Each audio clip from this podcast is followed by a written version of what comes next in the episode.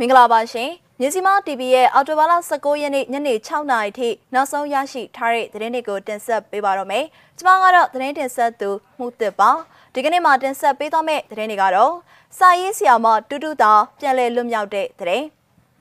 စစ်ကောင်စီကအားမိုင်းဆွဲတိုက်ခိုက်တဲ့ဖြစ်စဉ်မှာ ARA ရဲဘော်2ဦးကြာဆုံးတဲ့သတင်းမုံရထောင်မှာဖမ်းဆီးခံထားရသူတချို့လွတ်မြောက်တဲ့သတင်း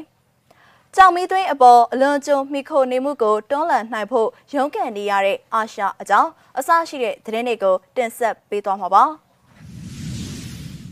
ဦးဆောင်သတင်းကတော့စာရေးဆရာမတူတူတာပြန်လည်လွတ်မြောက်လာတဲ့အကြောင်းပါ။အနာသိန်းစစ်ကောင်စီကဖမ်းဆီးထားတဲ့စာရေးဆရာမတူတူတာအင်းစိန်အကျဉ်းထောင်ကနေဒီကနေ့မှပြန်လည်လွတ်မြောက်လာခဲ့ပြီဖြစ်ပါတယ်။ရန်ကုန်တန်လီမြို့မှာနေထိုင်သူတူတူတာနဲ့သားဖြစ်သူကိုညံလူတဲ့ မောင်ဖြစ်သူကိုရဲနောင်နဲ့သားဖြစ်သူရဲ့တငယ်ချင်းကိုတီဟထွန်းတို့ကိုဧပြီလ24ရက်နေ့ကစစ်ကောင်စီတပ်ကဖမ်းဆီးသွားခဲ့ခြင်းဖြစ်ပါတယ်။ဒီကနေ့လွတ်မြောက်မှုမှာတော့၄ဦးစလုံးပါဝင်တယ်လို့လည်းသိရပါတယ်ရှင်။ဆက်လက်ပြီးတော့စကိုင်းတိုင်းကသတင်းကိုတင်ဆက်ပေးပါမယ်။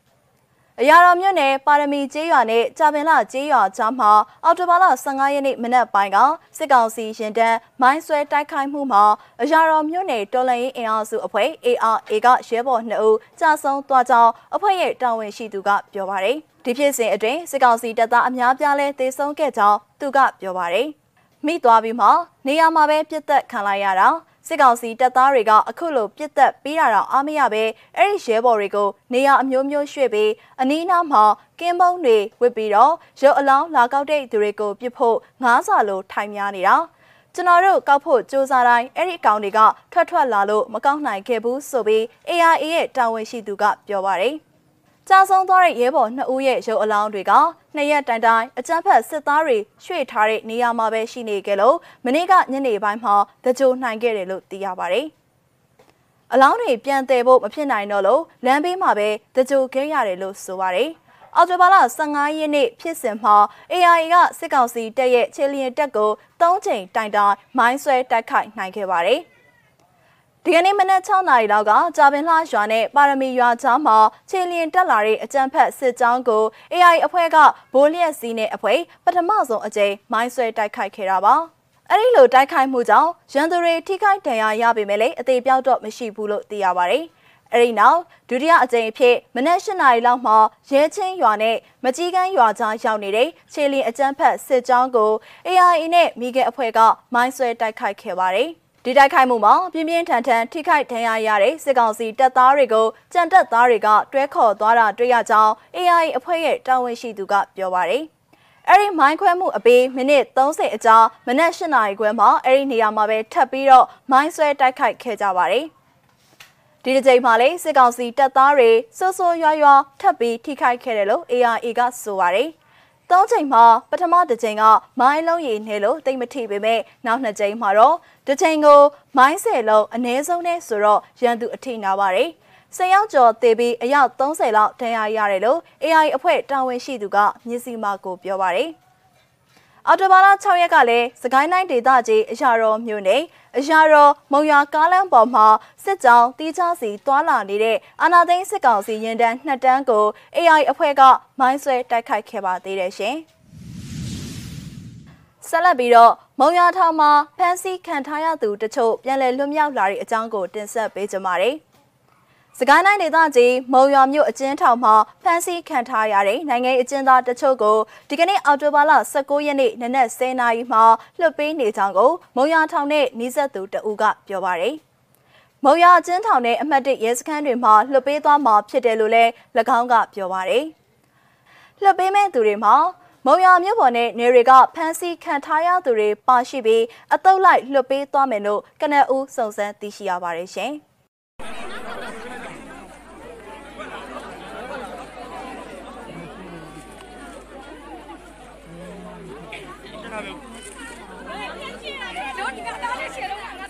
来来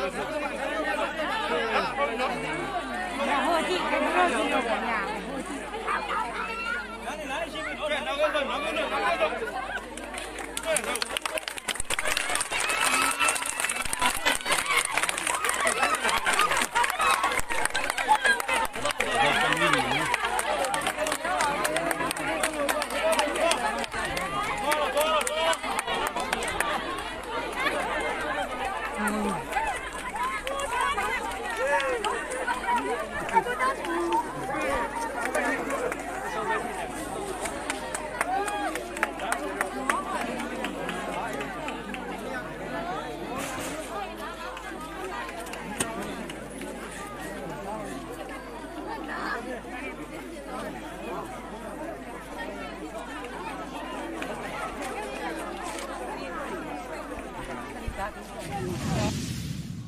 နောက်ဆုံးသတင်းတစ်ပုဒ်အနေနဲ့ကြောင်မီသွေးပေါ်အလွန်ကျွံမိခိုနေမှုကိုတွန်းလှန်နိုင်ဖို့ရုန်းကန်နေရတဲ့အာရှအကြောင်းကိုတင်ဆက်ပေးကြပါမယ်။သတင်းပြည့်စုံကိုတော့ရုပ်သံဖိုင်မှာရှုစားပေးကြပါအောင်ရှင်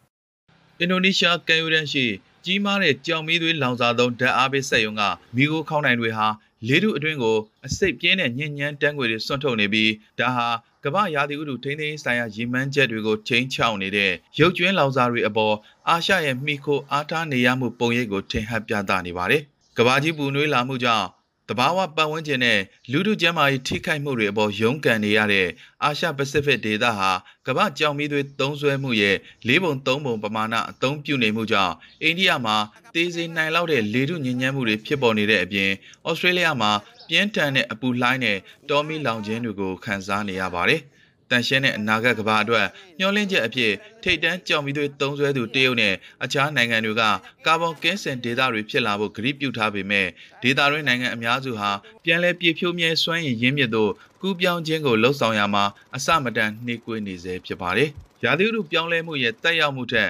ကျွန်တော်တို့ကပိုနေနေတယ်ကျွန်တော်တို့အတွက်အချိန်သိမ့်မရှိတော့ဘူးလို့အင်ဒိုနီးရှားရဲ့ Greenpeace စွမ်းအင်လှုပ်ရှားမှုအဖွဲ့ Tata Mustaya ကဆိုပါတယ်။ အငြင်းညမ်းဆုံးရုပ်ကျွမ်းလောင်စာအသုံးပြုမှုရဲ့နောက်ဆုံးခံတက်ကြီးတစ်ခုကိုပြောင်းလဲဖို့ကခက်ခဲပေမဲ့ကမ္ဘာတလွှားမှာအသစ်တိဆောက်ဖို့စီစဉ်ထားတဲ့ကြောင်မီသွေးသုံးဓာတ်အားပေးစက်ရုံတွေရဲ့80ရာခိုင်နှုန်းအတွက်အာရှ9နိုင်ငံမှာတာဝန်ရှိတယ်လို့ကာဗွန်ထရက်ကာအဖွဲ့ရဲ့အစီရင်ခံစာကဆိုပါတယ်။ပေးထားတဲ့ဂရီကဝတ်တွေဟာ အားနည်းလွန်းတယ်လို့လေလာသုံးသက်သူတွေကဆိုပြီးစက်ရုံတွေတိစောက်မှုကိုရပ်ဆိုင်းဖို့နဲ့စီစဉ်ထားပြီးသားစီမံကိန်းတွေမဖြစ်မြောက်အောင်အဓိကငွေကြေးထောက်ပံ့ပေးနေတဲ့နိုင်ငံတွေရဲ့နိုင်ငံဖြတ်ကျော်ရန်ပုံငွေတွေကိုတင်းကျပ်ဖို့လိုတယ်လို့ဆိုပါတယ်။ဒါပြင်ချမ်းသာတဲ့နိုင်ငံတွေဟာဆင်းရဲတဲ့နိုင်ငံတွေရဲ့စွမ်းအင်အသွင်ကူးပြောင်းရေးအတွက်ငွေကြေးနဲ့နည်းပညာဆိုင်ရာအထောက်ပံ့တွေလုံလောက်အောင်မပေးတာလည်းပါတယ်လို့ဝေဖန်သူတွေကဆိုပါတယ်။ အရှေ့တောင်အာရှမှာအကြီးဆုံးကြောင်မီသွေးသုံးဓာတ်အားပေးစက်ရုံတွေကတခုဖြစ်ပြီးနှစ်စဉ်မိသားစုပေါင်14တန်းအတွက်လျှက်စစ်ဓာတ်အားထုတ်ပေးနေတဲ့အင်ဒိုနီးရှားနိုင်ငံဂျာဗာကျွန်းပေါ်ကစူယာလာယာကြောင်မီသွေးသုံးဓာတ်အားပေးစက်ရုံဟာစိန်ခေါ်မှုတွေရဲ့ပုံရိပ်ကိုထင်ဟပ်ပြနေတဲ့တခုဖြစ်ပါတယ်။ အင်ဒိုနီးရှားဟာ2060မှာကာဗွန်ကင်းစင်ဒေသဖြစ်ဖို့ကတိပြုထားပြီး2023ကစပြီးကြောင်မီသွေးလောင်စာသုံးစက်ရုံအသစ်တွေတိစောက်မှုကိုရပ်ဆိုင်းထားဖို့ကတိပေးထားပေမဲ့အဆိုပါစက်ရုံကိုလက်တလောဒေါ်လာ3.5ဘီလီယံအသုံးပြုပြီးအဆင့်မြင့်တင်နေပါတယ်။မြစီမ TV ရဲ့အော်တိုဘာလ19ရက်နေ့ညနေ6နာရီထိနောက်ဆုံးရရှိထားတဲ့သတင်းတွေကိုတင်ဆက်ပေးခဲ့တာပါကြည့်ရှုနားဆင်ပေးခဲ့တဲ့အတွက်ကျေးဇူးတင်ပါတယ်မင်္ဂလာရှိတဲ့ညချမ်းဖြစ်ကြပါစေရှင်